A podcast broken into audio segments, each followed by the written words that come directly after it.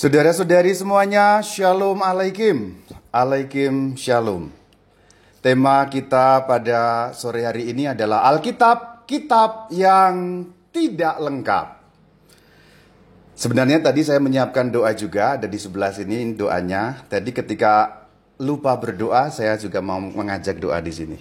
Tapi tidak apa-apa, sudah doa nanti bisa dipakai bagian penutup. Nah, kita akan bicara mengenai tiga bagian hari ini. Tema ini akan saya eh, bagi menjadi tiga bagian. Yang pertama, ketidaklengkapan yang nyata. Yang kedua, mengapa tidak semua ditulis. Dan yang ketiga, posisi Alkitab yang khas Katolik.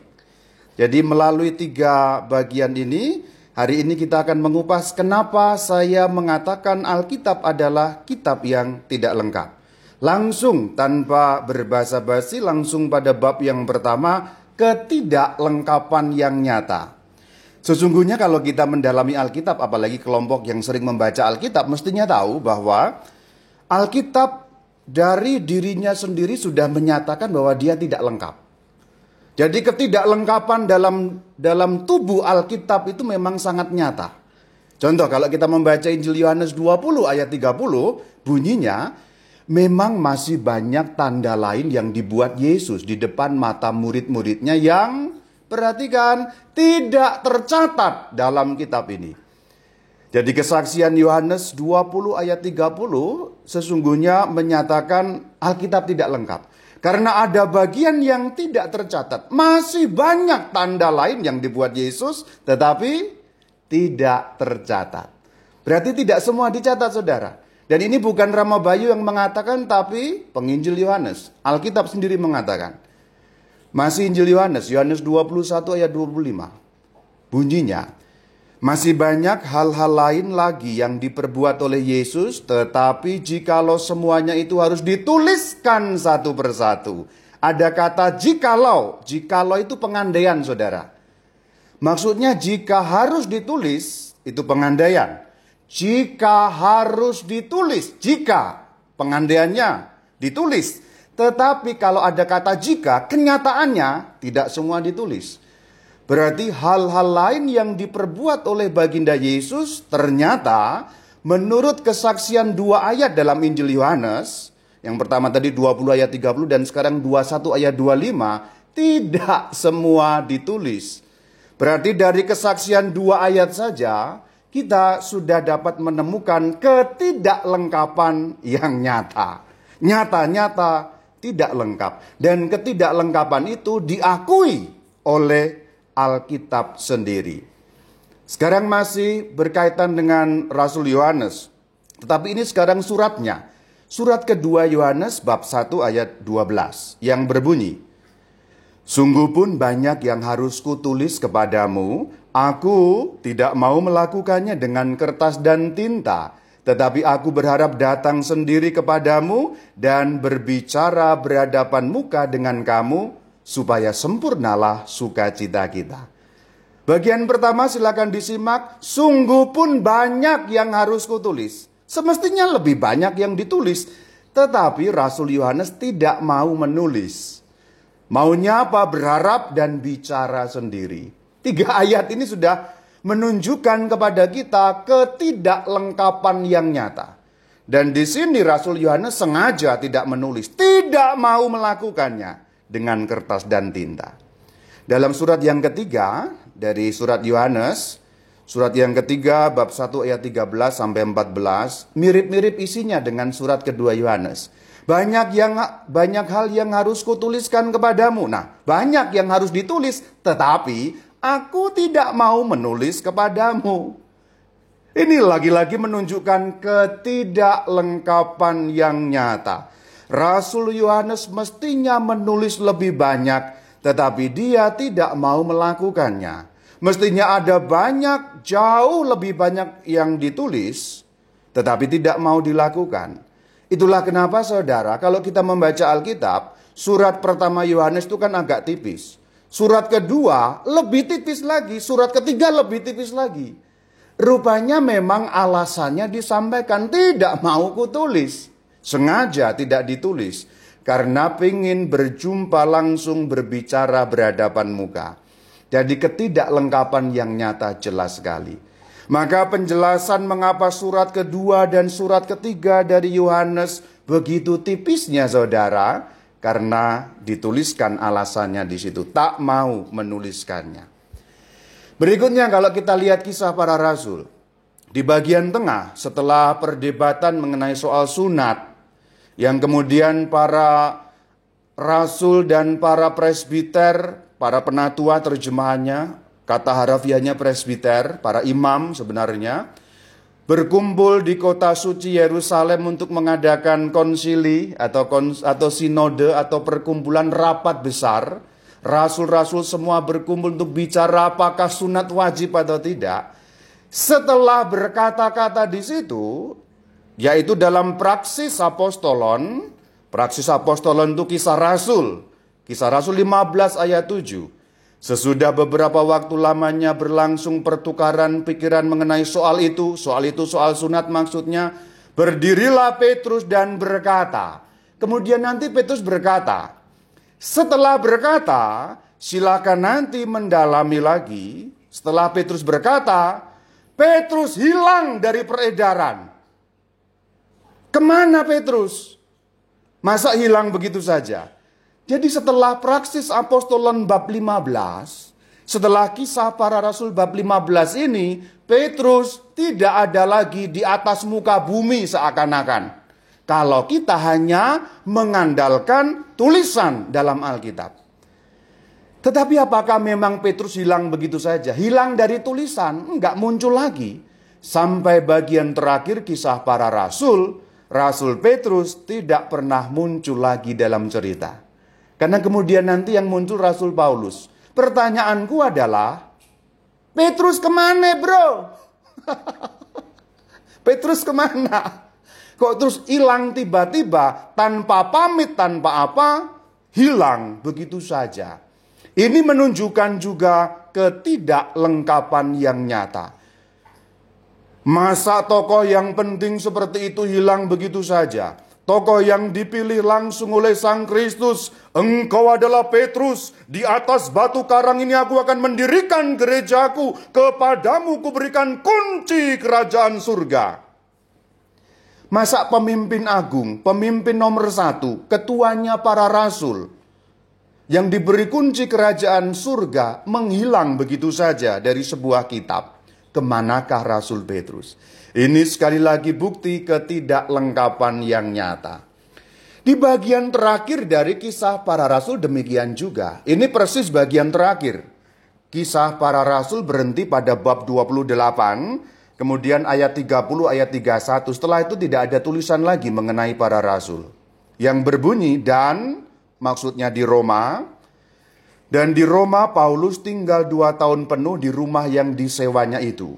Dengan terus terang dan tanpa rintangan apa-apa, ia memberitakan kerajaan Allah dan mengajar tentang Tuhan Yesus Kristus. Lalu ke mana Paulus? Padahal cerita-cerita selanjutnya, kenapa Paulus sampai ke kota Roma penjelasannya Anda tahu. Karena Anda ini kan grup pembaca Alkitab, jadi semua sudah khatam. Di luar kepala, keluar dari kepala semua. Kenapa Paulus sampai ke kota Roma, saudara? Bukan karena mau nonton pizza. Dulu mungkin pizza juga belum ada, bukan karena mau makan pizza, bukan mau nonton menara miring tidak. Tetapi Rasul Paulus sampai ke kota Roma karena naik banding supaya perkaranya disidang oleh kaisar.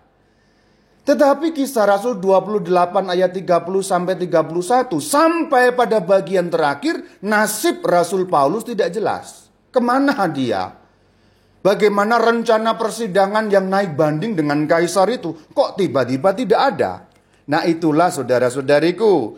Sekali lagi Alkitab menunjukkan dirinya sebagai kitab yang tidak lengkap. Dan ketidaklengkapan itu nyata. Ada banyak bolong-bolong di sana. Petrus tiba-tiba hilang, Paulus tidak jelas nasibnya. Padahal kita tahu dalam cerita yang diyakini dalam gereja Katolik, Rasul Petrus nantinya mengalami kemartiran di kota Roma. Rasul Paulus juga mengalami kemartiran di kota Roma. Rasul Petrus mengalami kemartiran di kota Roma dengan disalibkan dengan cara terbalik Karena Rasul Petrus ketika mau disalib dia katakan, "Eh, jangan saya disalib seperti guru saya, tolong saya dibalik. Sebab saya tidak pantas disalib persis seperti sang guru." Lalu betul Algojo menyalib dia terbalik. Rasul Paulus dipenggal, kepalanya menggelundung tiga kali. Dan gelundungan kepala yang jatuh ke tanah menimbulkan mata air yang masih ada sampai sekarang di kota Roma. Tres Fontana itu tiga mata air itu. Lalu cerita itu dari mana? Kalau Alkitab hanya berhenti di sini. Seakan-akan Rasul Petrus baik-baik saja. Seakan-akan Rasul Paulus baik-baik saja. Ini ketidaklengkapan yang nyata. Alkitab memang tidak lengkap. Anda boleh jadi syok mendengar ini tetapi Anda bisa membacanya sendiri. Saya tidak mengarang tetapi hanya membuka fakta-fakta dari Alkitab. Kemudian Rasul Paulus mengatakan seperti ini dalam surat kedua Tesalonika bab 2 ayat 15. Rasul Paulus katakan sebab itu berdirilah teguh dan berpeganglah pada ajaran-ajaran yang kamu terima dari kami baik secara lisan maupun secara tertulis. Rasul Paulus menegaskan dua pengajaran lisan dan tertulis padahal Alkitab hanya tertulis. Berarti memang tidak lengkap. Alkitab itu hanya ajaran yang kemudian dituliskan. Wahyu ilahi dalam bentuknya yang tertulis. Sementara dalam 2 Tesalonika 2 ayat 15, Rasul besar Paulus mengatakan pegang juga yang lisan. Artinya memang ketidaklengkapan Alkitab itu nyata. Kok semua perjanjian baru Rama? Sebentar saya beri contoh juga perjanjian lama. Kalau kita melihat perjanjian lama sebenarnya contohnya jauh lebih banyak lagi. Tapi saya beri dua contoh saja. Yang pertama dalam kitab Yosua 10 ayat 13. Eh, bunyinya, maka berhentilah matahari dan bulan pun tidak bergerak. Sampai bangsa itu membalaskan dendamnya kepada musuhnya. Bukankah hal itu telah tertulis dalam kitab orang jujur? Apakah dalam Alkitab ada kitab yang namanya kitab orang jujur saudara? Satu pun tidak. Berarti tulisan yang lebih lengkap mengenai cerita matahari berhenti, bulan tak bergerak. Lalu cerita mengenai bangsa yang membalaskan kepada musuhnya berkaitan dengan soal itu tertulis lengkap di kitab orang jujur, bukan di kitab Yosua. Karena dikatakan bukankah hal itu telah tertulis di kitab orang jujur. Dan kitab orang jujur bukan bagian dari Alkitab suci kita. Ketidaklengkapan yang nyata. Yang bagian terakhir dari perjanjian lama saya kutipkan 2 Samuel 1 ayat 18. Mengutip hal yang sama mengenai kitab orang jujur. Dan iya maksudnya Daud memberi perintah untuk mengajarkan nyanyian ini kepada Bani Yehuda. Itu ada tertulis dalam kitab orang jujur. Sedangkan kitab orang jujur tidak terdapat dalam Alkitab kita. Nyanyian itu tertulis dalam kitab orang jujur. Artinya ketidaklengkapan Alkitab sungguh nyata. Jadi bagian pertama selesai saudara. Bagian pertama saya mau mengatakan kepada saudara-saudari bahwa Alkitab sungguh-sungguh merupakan kitab yang tidak lengkap. Ada bolong-bolong di sana sini yang kita tidak dapat menemukan kalau kita hanya membaca dalam seluruh Alkitab. Rasul Yohanes mengakui sendiri tidak semua tercatat dalam Injilnya maupun dalam suratnya. Rasul Paulus juga mengakui, katakan katakanlah uh, kisah para rasul pun juga mengakui. Tapi Lukas yang menulis berarti Lukas mengakui. Paulus tiba-tiba hilang tidak jelas nasibnya, Petrus tiba-tiba hilang tidak jelas nasibnya. Lalu Rasul Paulus mengatakan berpegang dalam dua, jangan hanya yang tertulis, yang lisan juga. Alkitab itu kan tertulis. Lalu contoh-contoh dalam perjanjian lama. Bagian pertama selesai untuk membuka suatu wawasan bahwa sungguh Alkitab kitab yang tidak lengkap. Jangan pernah disangkal, Alkitab memang tidak lengkap sedari mula-mulanya sejak zaman para rasul. Bagian kedua, mengapa tidak semua ditulis? Problem ketidaklengkapan tadi kan berawal dari karena tidak semua ditulis, begitu kan? Kalau kita kembali dalam teksnya Yohanes tadi itu, teksnya Injil Yohanes, masih banyak tanda lain yang tidak tercatat. Kan begitu. Yohanes 20 ayat 30. Masih banyak yang dibuat oleh Tuhan Yesus, tetapi tidak tercatat. Maksudnya, tidak semua dituliskan. Nah, itu persoalannya. Jadi ketidaklengkapan yang nyata tadi membawa kita pada persoalan kedua yang berwujud pertanyaan, kalau demikian, mengapa tidak semua ditulis, saudara? Kalau demikian, mengapa tidak semua ditulis? Nah, ini persoalan yang akan kita sejenak kupas dalam subbab yang kedua ini. Saya langsung pada intinya, menurut ajaran gereja suci, yang tertuang di dalam Katekismus Gereja Katolik disingkat KGK dalam nomor 76. Saya langsung ke sini karena ini intinya. Meskipun nanti dapat kita uraikan lagi pendasaran-pendasarannya. Ini langsung inti supaya langsung jelas. KGK 76 berbunyi, Sesuai dengan kehendak Allah, terjadilah pengalihan Injil atas dua cara. Secara lisan, itu yang pertama. Yang kedua, secara tertulis. Jadi rupanya persoalannya ada di sini. Pengalihan Injil, penerusan wahyu Allah tadi terjadi dalam dua cara.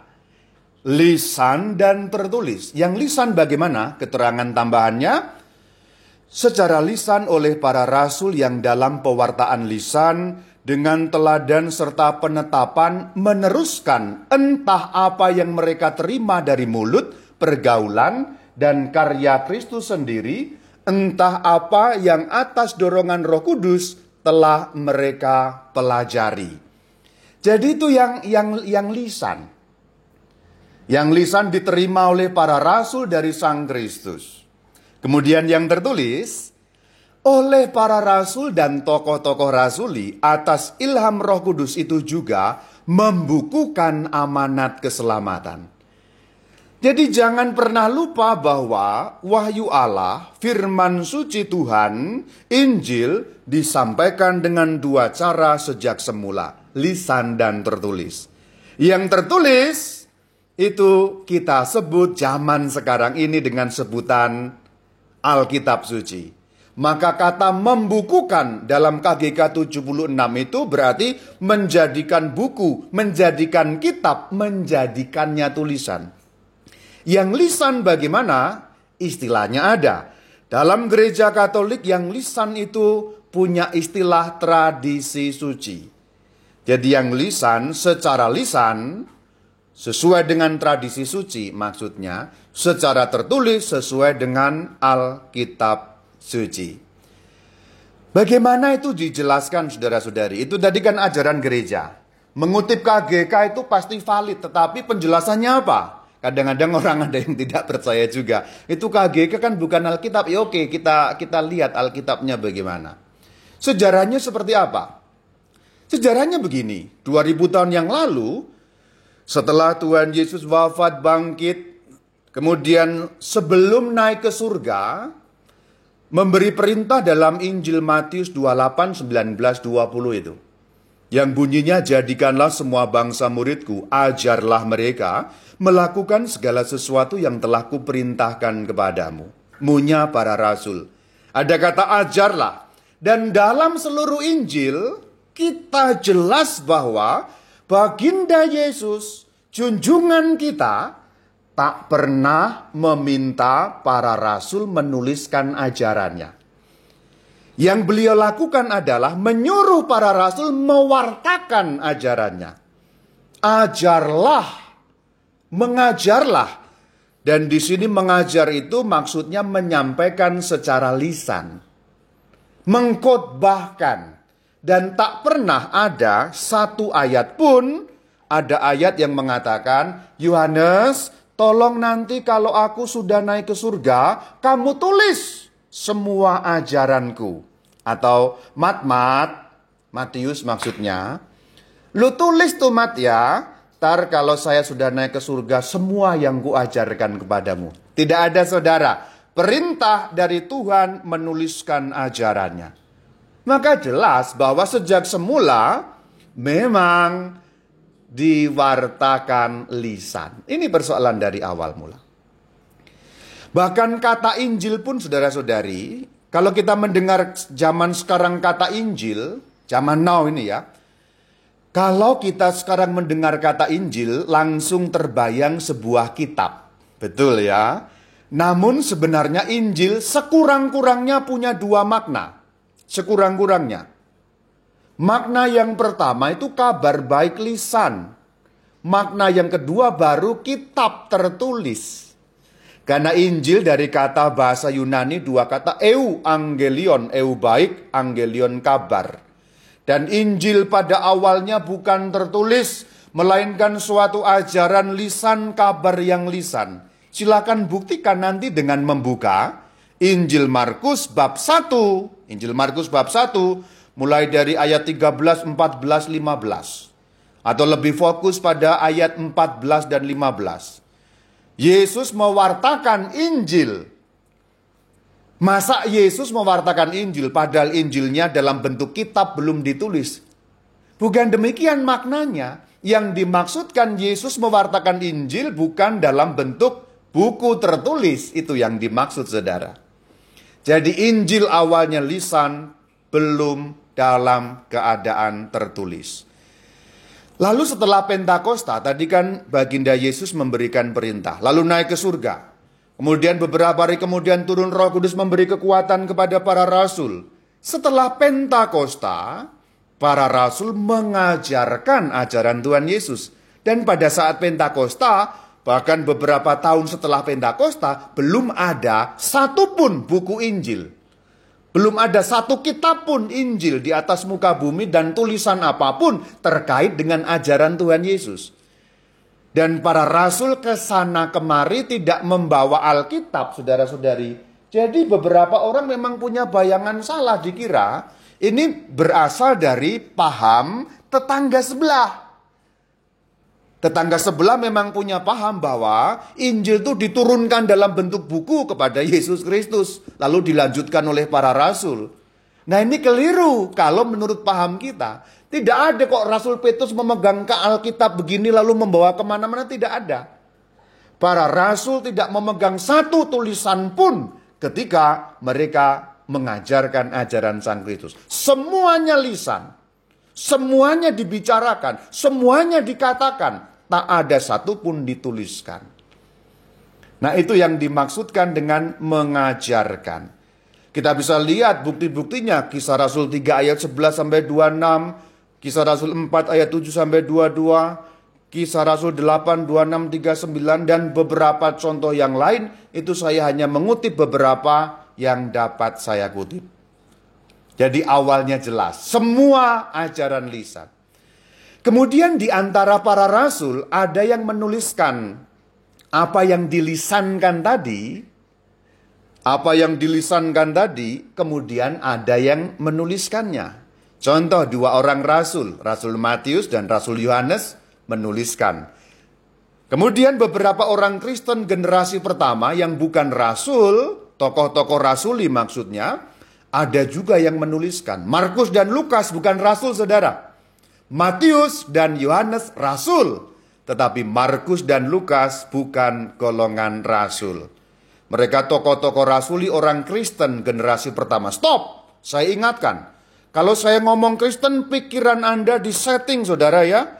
Jangan pernah menganggap yang ono itu Kristen. Ya, disetting baik-baik.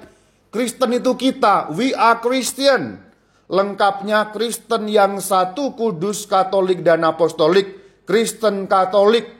Kalau yang toko sebelah itu Kristen Protestan. Di Indonesia memang ada salah kaprah. Karena orang kalau menyebut Kristen itu nyebutnya untuk Protestan. Itu kurang tepat saudara. Maka nanti dalam obrolan ini kalau aku ngomong Kristen, saudara harus tepat memahami jangan itu dianggap orang Protestan. Kita, Katolik ini Kristen. Sampai pada abad ke-15, semua orang Kristen itu ya Katolik. Atau kalau lebih jauh lagi sampai pada abad yang keempat. Dan kita tahu Rasul Yohanes pun tidak menulis semua kan? Nah itu dia. Bagaimana awalnya mereka menulis? Ini menarik untuk dibahas karena Lukas memberi kesaksian awal mulanya, sejarahnya, bagaimana sampai muncul tulisan itu. Tokoh-tokoh yang lain tidak memberi keterangan seperti ini. Hanya Lukas yang memberi keterangan semacam pertanggungjawaban metode, pertanggungjawaban sejarah bagaimana sampai proses menulis itu. Lukas 1 ayat 1, 2, dan 3 sampai ke 4 bunyinya. Theophilus yang mulia, banyak orang telah berusaha menyusun suatu berita tentang peristiwa-peristiwa yang telah terjadi di antara kita seperti yang disampaikan kepada kita oleh mereka yang dari semula adalah saksi mata dan pelayan firman. Karena itu setelah aku menyelidiki segala peristiwa itu dengan seksama dari asal mulanya, aku mengambil keputusan untuk membukukannya dengan teratur bagimu dan seterusnya sampai kepada ayat yang keempat. Perhatikan bahwa yang pertama ada itu peristiwa. Ayat 1. Peristiwa-peristiwa. Peristiwa apa yang dimaksud saudara? Yang dimaksud adalah peristiwa yang terkait dengan baginda Yesus, junjungan kita. Peristiwa yang terkait dengan Yesus Kristus Tuhan. Pada saat beliau berkarya, pada saat beliau mengajar, membuat mujizat, sampai sengsaranya wafat, bangkit dan naik ke surga. Itulah yang dimaksud peristiwa-peristiwa. Lalu dari peristiwa itu ada berita. Biasa kan? Kalau peristiwa terjadi ada berita. Nah itu tadi yang dimaksudkan berita lisan tadi. Para rasul menyampaikan berita. Contoh ketika Rasul Petrus pada hari Pentakosta berdiri di kota suci Yerusalem. Wahai orang-orang Yahudi di Yerusalem, dengarkanlah dan camkanlah. Lalu khotbahnya panjang lebar itu. Itu berita namanya. Berita mengenai peristiwa Yesus Kristus. Ada peristiwa, awalnya peristiwa, Selanjutnya berita. Contoh yang disampaikan Rasul Rasul Petrus di kota suci Yerusalem pada hari Pentakosta.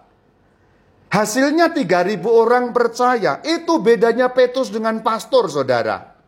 Petrus berkhotbah, 3000 orang percaya beriman kepada Kristus. Pastor berkhotbah, 300 orang ngantuk semuanya karena lelah mendengarkan khotbah pastor. Bedanya memang seperti itu. Setelah peristiwa ada berita. Setelah berita, berita itu diteliti, diselidiki beritanya. Ayat 3, aku, akunya Lukas, menyelidiki segala peristiwa itu. Berita-berita mengenai peristiwa itu diselidiki langsung kepada siapa? Ayat 2, kepada saksi mata dan para pelayan firman. Setelah valid, investigasinya benar, dapat dibuktikan karena cross check kepada saksi mata, cross check kepada para rasul, cross check kepada para pelayan firman yang menyampaikan berita suci itu.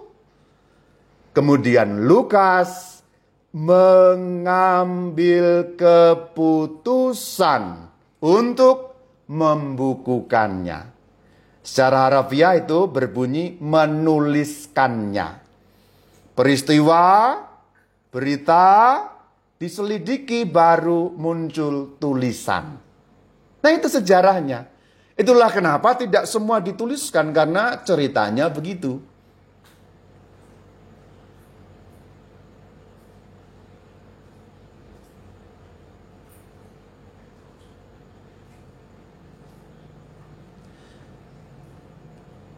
Nah, saudara-saudari, setelah ajaran tertulis tadi muncul, Artinya setelah ada berita yang dituliskan tadi muncul, ternyata tidak menggeser berita-berita lisan. Berita-berita tertulis tidak menggeser berita-berita lisan. Ajaran-ajaran tertulis tidak menggantikan ajaran-ajaran lisan.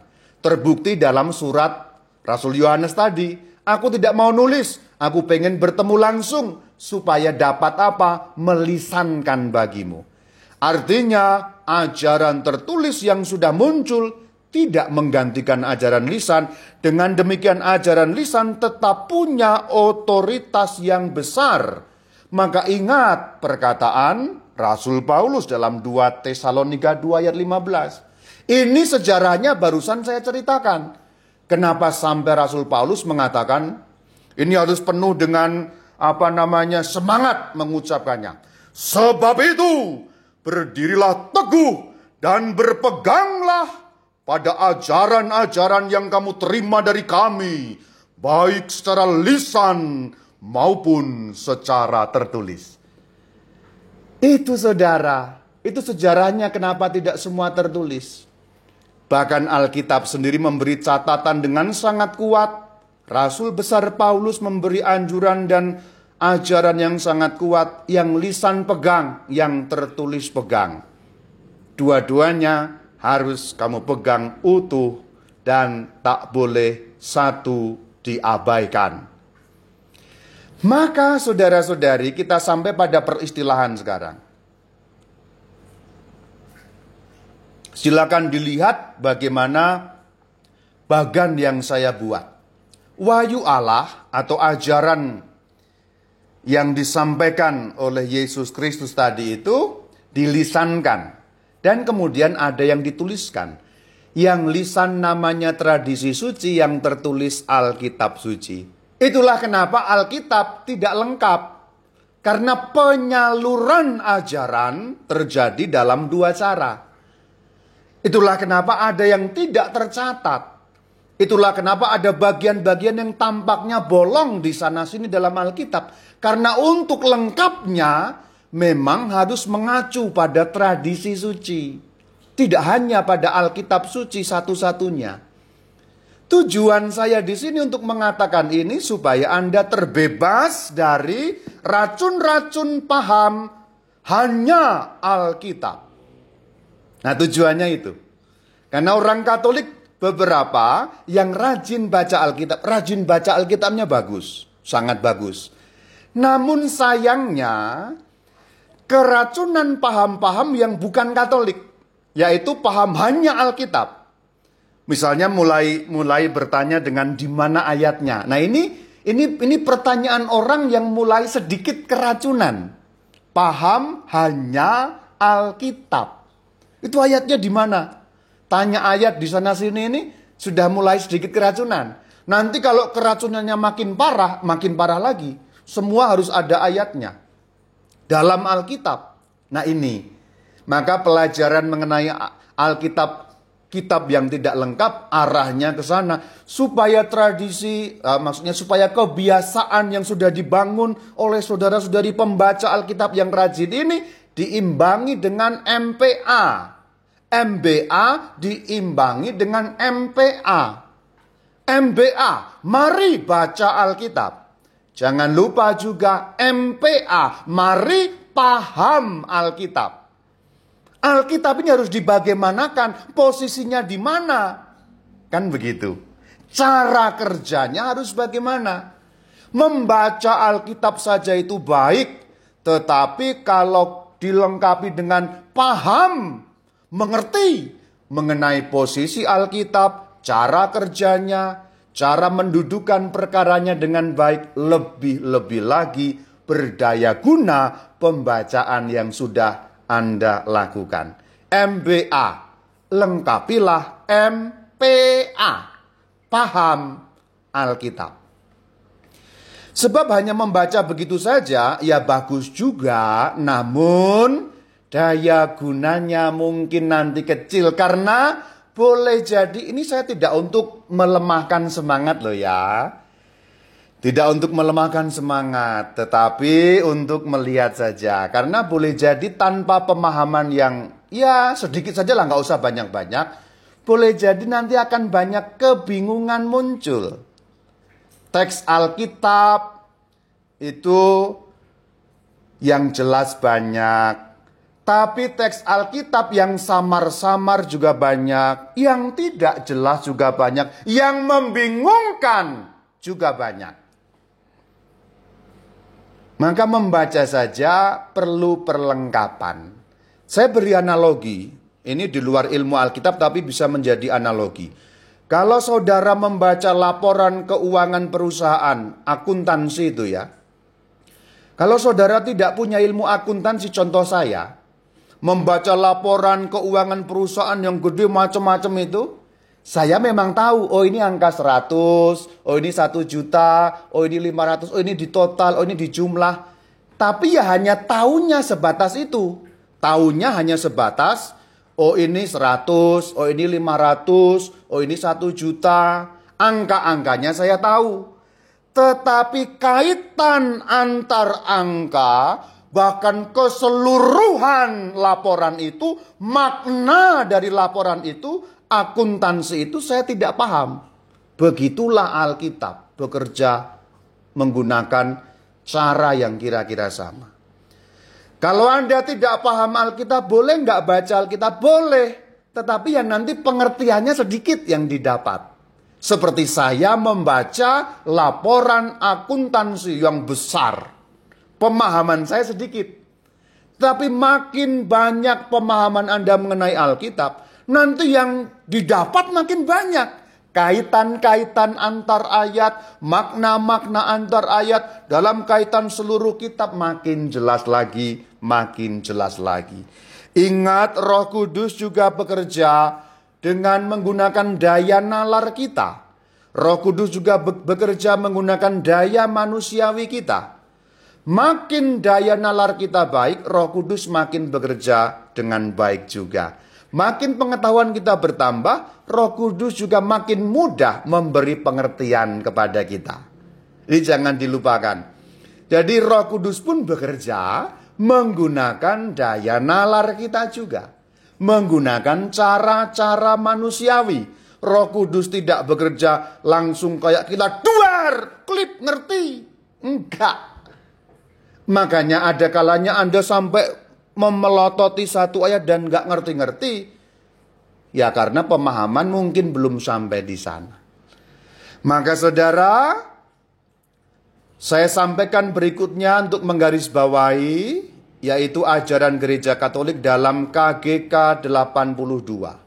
Katekismus Gereja Katolik nomor 82. Dengan demikian maka gereja yang dipercayakan untuk meneruskan dan menjelaskan wahyu, menimba kepastiannya tentang segala sesuatu yang diwahyukan, bukan hanya melalui kitab suci.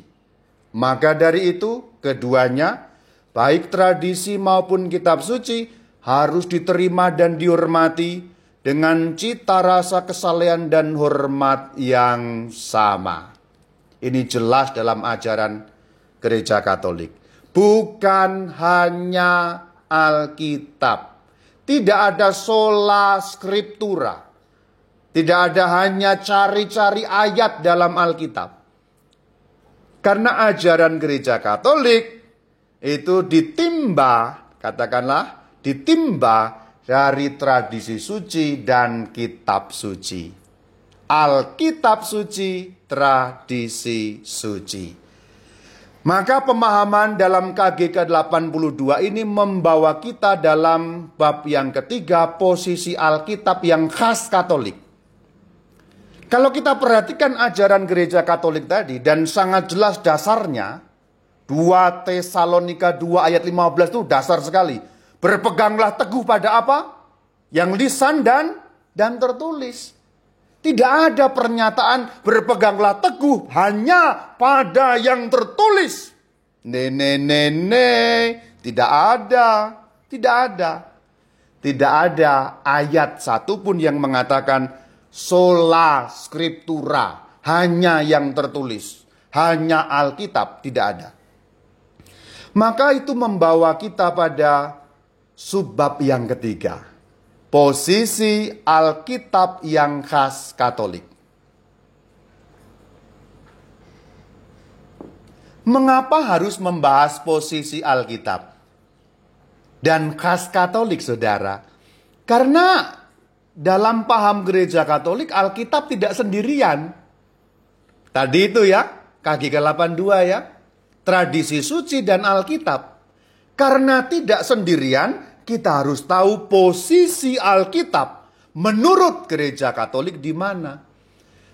Kenapa harus bicara yang khas Katolik? Nah, ini persoalannya. Alkitabnya boleh sama, penerbitnya sama, ya. Alkitabnya sama, penerbitnya sama, tulisannya sama, kata-katanya sama, harganya sama, mukanya sama.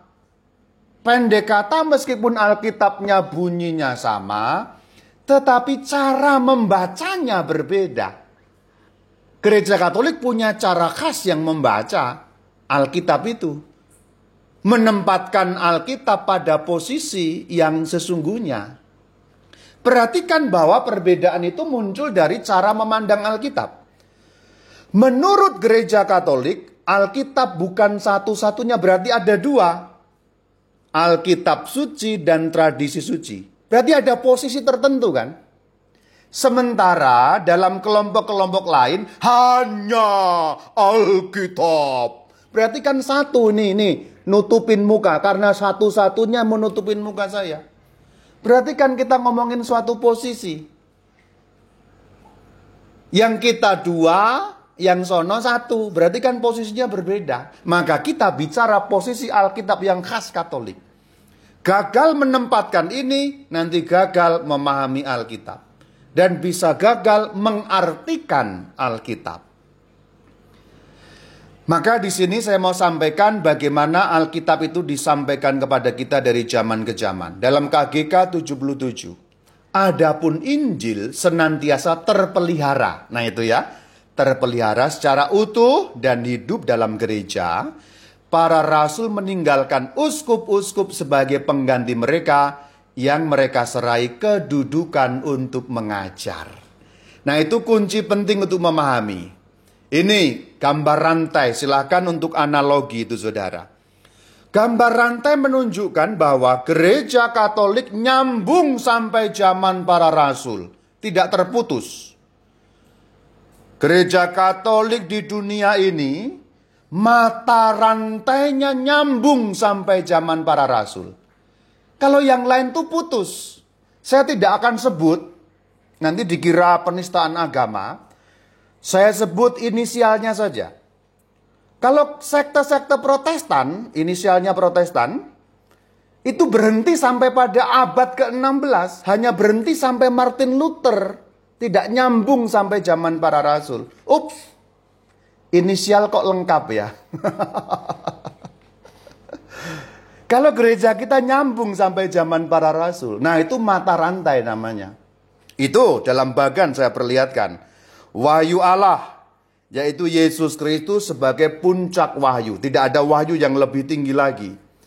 Kemudian wahyu Allah itu disampaikan oleh para rasul itu namanya tradisi apostolik. Disampaikan dengan dua cara, jangan lupa lisan dan tertulis. Kemudian para rasul kan meninggal dunia. Nah penerusan wahyu itu diteruskan, penerusan wahyu itu dilanjutkan oleh pengganti-pengganti para rasul. Siapa pengganti para rasul? Para uskup. Para uskup tetap melanjutkan tradisi suci dengan dua cara, tertulis dan lisan.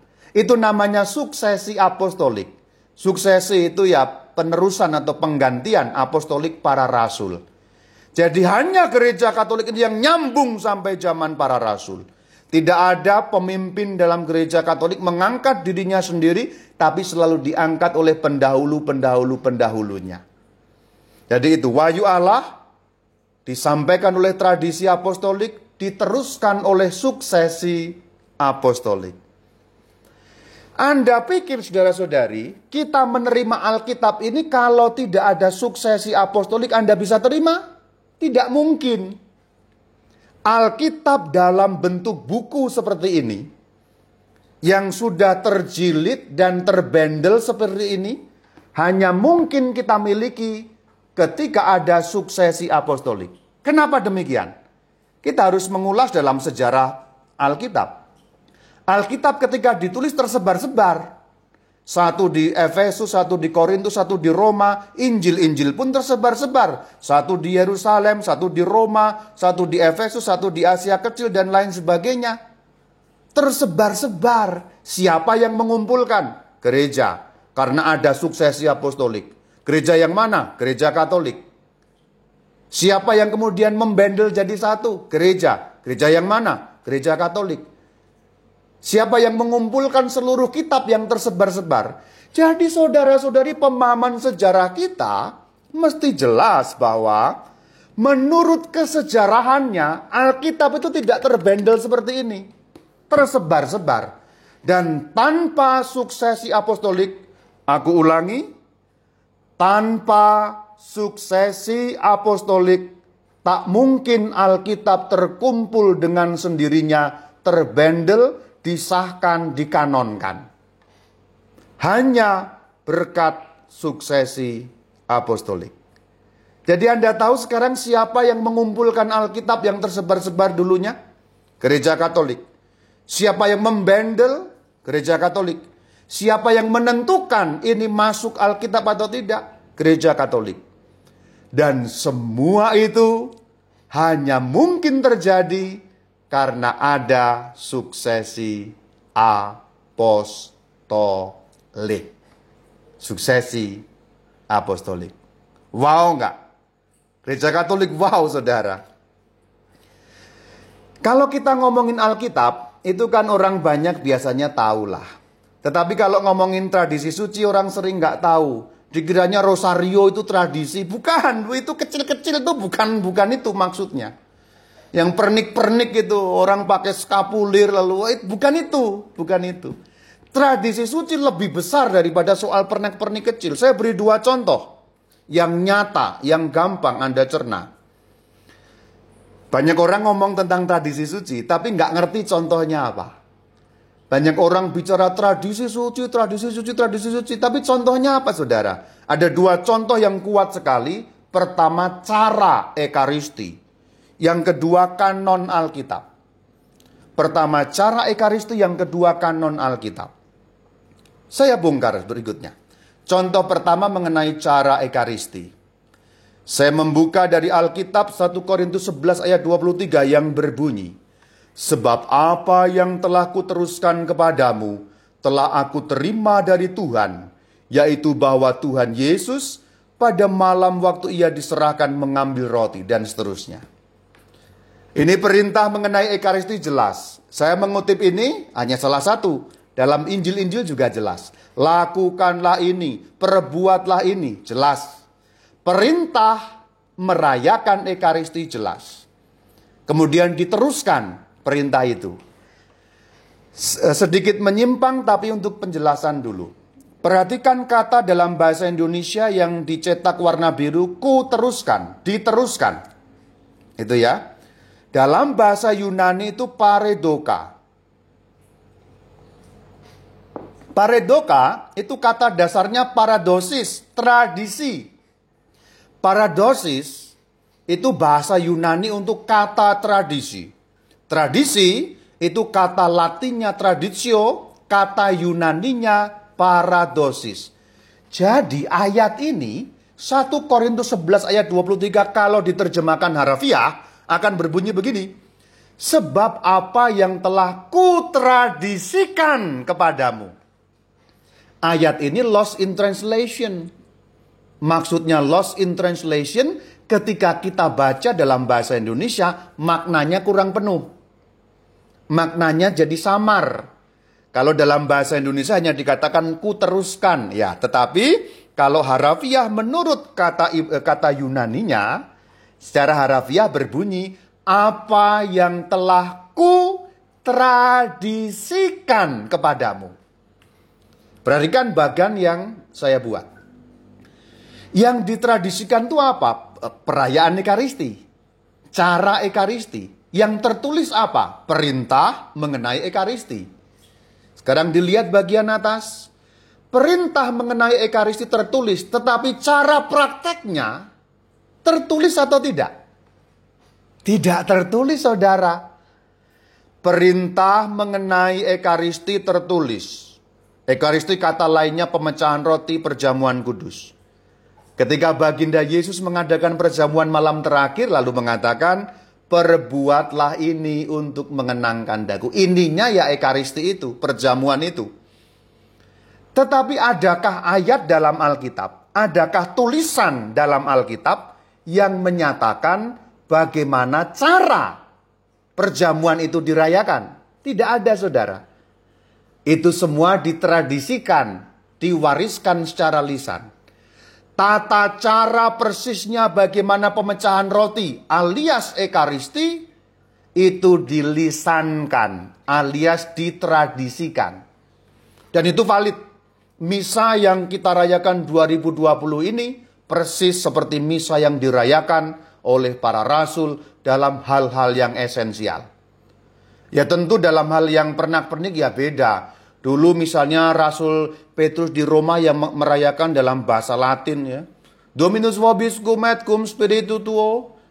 Kemudian bernyanyi Kyrie eleison. Kyrie eleison. Kyrie eleison. Nah begitu sampai di Jawa ya bahasa Jawa. Ya hanya beda bahasa saja. Tapi unsur-unsur esensialnya sama. Jadi urutan misa, urutan ekaristi, tata caranya tidak tertulis tetapi terpelihara sampai 2000 tahun dan tidak berubah. Liturgi sabda, liturgi ekaristi itu dari dulu seperti itu. Bahkan doa syukur agung itu ya dari dulu seperti itu. Terpelihara semua. Semua ter, itu contoh yang kuat sekali tradisi suci. Ayat mengenai perintah ekaristi tertulis dalam Alkitab, ada ayatnya. Tetapi cara pelaksanaannya dilisankan alias ditradisikan dan 2000 tahun bertahan. Yang beda sekarang itu hanya pernak-perniknya saja saudara-saudari. Ketika sampai ditanya tanah Jawa ya saya orang Jawa ya taunya misa bahasa Jawa. Kalau di Roma kan misa bahasa Latin aslinya memang dulu bahasa Latin ya. In nomine Patris et Filii et Spiritus Sancti. Amen. Dominus vobiscum et cum spiritu tuo. Nah, begitu sampai di ganjuran, tahu ganjuran itu ya. Konco asma talem yang rama, sayang putra, twin yang rasuci. Amin Gusti manunggala kalian kula sadaya. Begitu saja bedanya.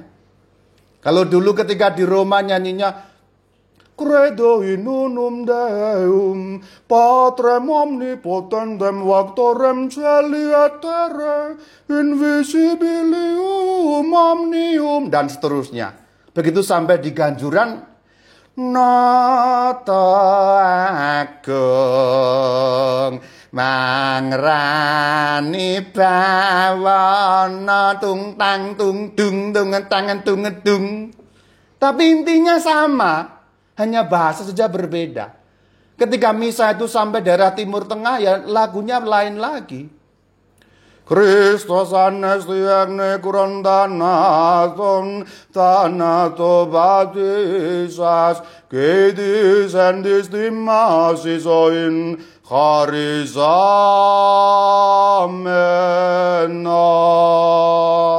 Amin. Dikira ngaji kan? Bukan ngaji, itu misa. Di daerah-daerah timur, dekat-dekat timur tengah. Esensialnya sama, bahasanya aja berbeda. Nah ini clear. Tradisi suci contohnya apa? Tata cara misa. Terjaga 2000 tahun. Hebat sekali loh saudara. Kalau kita pikir-pikir suatu perayaan terjaga 2000 tahun itu luar biasa. Contoh kedua kanon. Contoh kedua kanon tertulis di dalam KGK 120. Dalam tradisi apostolik, nah jelas sekali kan? Dalam tradisi apostolik, gereja menentukan kitab-kitab mana yang harus dicantumkan dalam daftar-daftar kitab suci. Daftar yang lengkap ini dinamakan kanon kitab suci. Sesuai dengan itu, perjanjian lama terdiri dari dan seterusnya dan seterusnya. Jadi kanon Alkitab itu sesuai dengan tradisi suci, itu contoh tradisi suci. Kitab suci Alkitab kita ini saya ulangi, tidak mungkin ngumpul sendiri. Dulu terserak-serak tersebar-sebar. Siapa mengumpulkan? Gereja Katolik. Setelah dikumpulkan pun tidak jelas juga mana yang masuk Alkitab, mana yang tidak. Karena pada zaman itu tulisan macam-macam. Ada juga tulisan-tulisan gnostik namanya. Tulisan-tulisan sesat. Bagaimana untuk mengetahui? Gereja menentukan kanon. Nah, mengenai kanon itu kapan-kapan kita bisa membahas lebih lanjut tema tersendiri yang menarik dibahas. Maka inilah lengkapnya saudara-saudari Jadi kalau mengatakan Alkitab tidak lengkap, lalu lengkapnya bagaimana ini? Dalam bagan yang saya buat, silakan diamat-amati, dicerna-cerna dulu, nanti akan saya jelaskan dengan suatu uraian supaya dapat membaga, membaca bagan ini dengan tepat. Inilah lengkapnya. Gereja dipercaya untuk meneruskan. Yang diteruskan itu dua. Alkitab suci dan tradisi suci. Meneruskan itu bahasa latinnya transmissio, transmission. Jadi lengkapnya yang diteruskan itu ya dua, tradisi suci dan Alkitab suci. Kalau hanya Alkitab tidak lengkap dan ketidaklengkapan itu nyata. Tapi tidak hanya meneruskan saudara, yang diteruskan utuh-utuh. Jadi kalau istilah transmisi, transmisio itu diteruskan utuh-utuh. Dulu terimanya seperti apa, sekarang dilanjutkan. Karena dulu terimanya dua, lisan dan tertulis, ya dilanjutkan. Dulu terimanya tidak hanya yang tertulis. Meskipun zaman now ada yang kemudian yang menolak yang lisan tradisi itu. Satu-satunya hanya Alkitab. Ya boleh, tapi itu berkhianat. Pada aslinya tidak mentransmisikan sesuai dengan yang diberikan sejak awal mulanya. Karena para rasul memang memberi kepada kita dua. Lisan tertulis lisan istilahnya tradisi suci, tertulis Alkitab suci.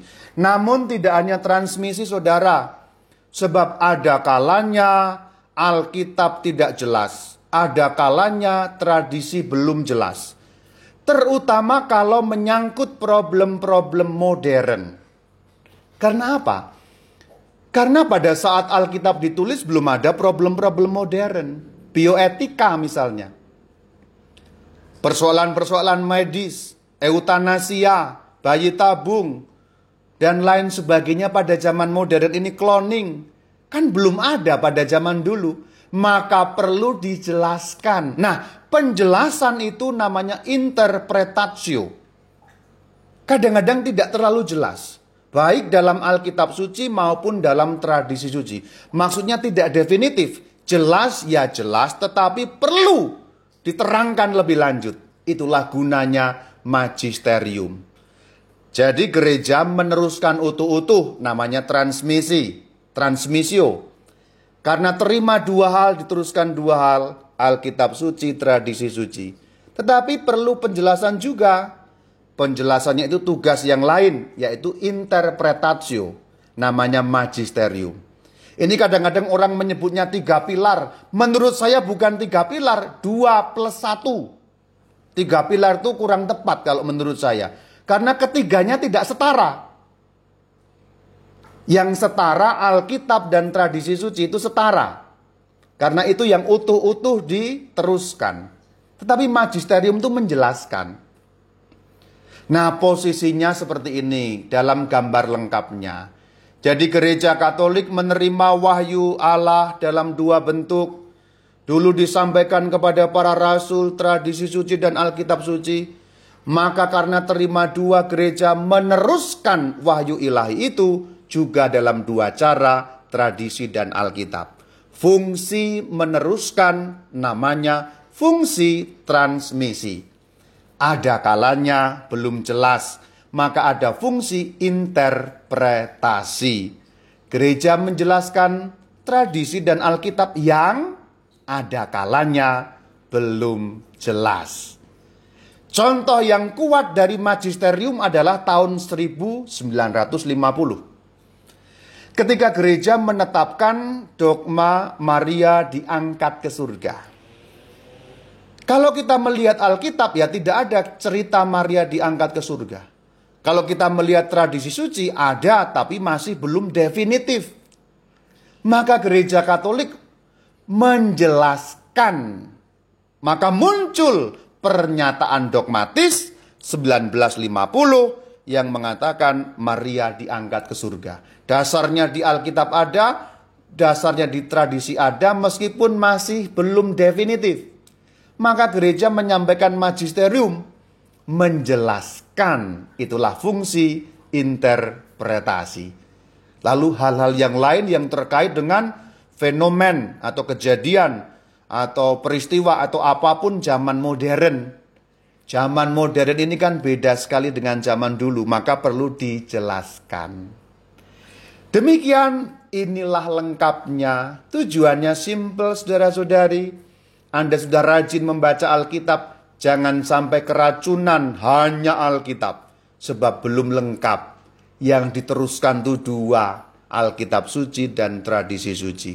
Semoga pengertian ini makin menguatkan semangat Anda membaca Alkitab Sebab dengan menjadi Katolik kita tahu di mana kebenaran dan tafsiran kita harus diukur dengan tafsiran gereja yaitu magisterium. Kalau kita membaca Alkitab dan cocok dengan ajaran magisterium pasti benar. Orang di luar Katolik yang toko-toko sebelah itu malah tidak jelas kalau baca Alkitab mereka tidak punya ukuran saudara. Yang benar yang mana? Karena setiap orang mengaku dinaungi roh kudus. Tapi hasilnya beda-beda. Kelompok yang gerejanya di belakang pasar beda dengan yang di dekat jembatan. Beda lagi yang dekat dengan dekat lapangan. Beda-beda. Semua ngaku dinaungi roh kudus kok hasilnya beda-beda. Karena tidak mengandalkan magisterium. Hanya mengandalkan udelium udelnya sendiri-sendiri, semau udelnya sendiri-sendiri. Tapi kita mengandalkan magisterium dan jangan lupa dua yang ditransmisikan lengkapnya Alkitab dan tradisi suci. Semoga pemaparan ini menguatkan iman kita dalam gereja yang satu, kudus, katolik, dan apostolik. Shalom alaikum. Alaikum shalom.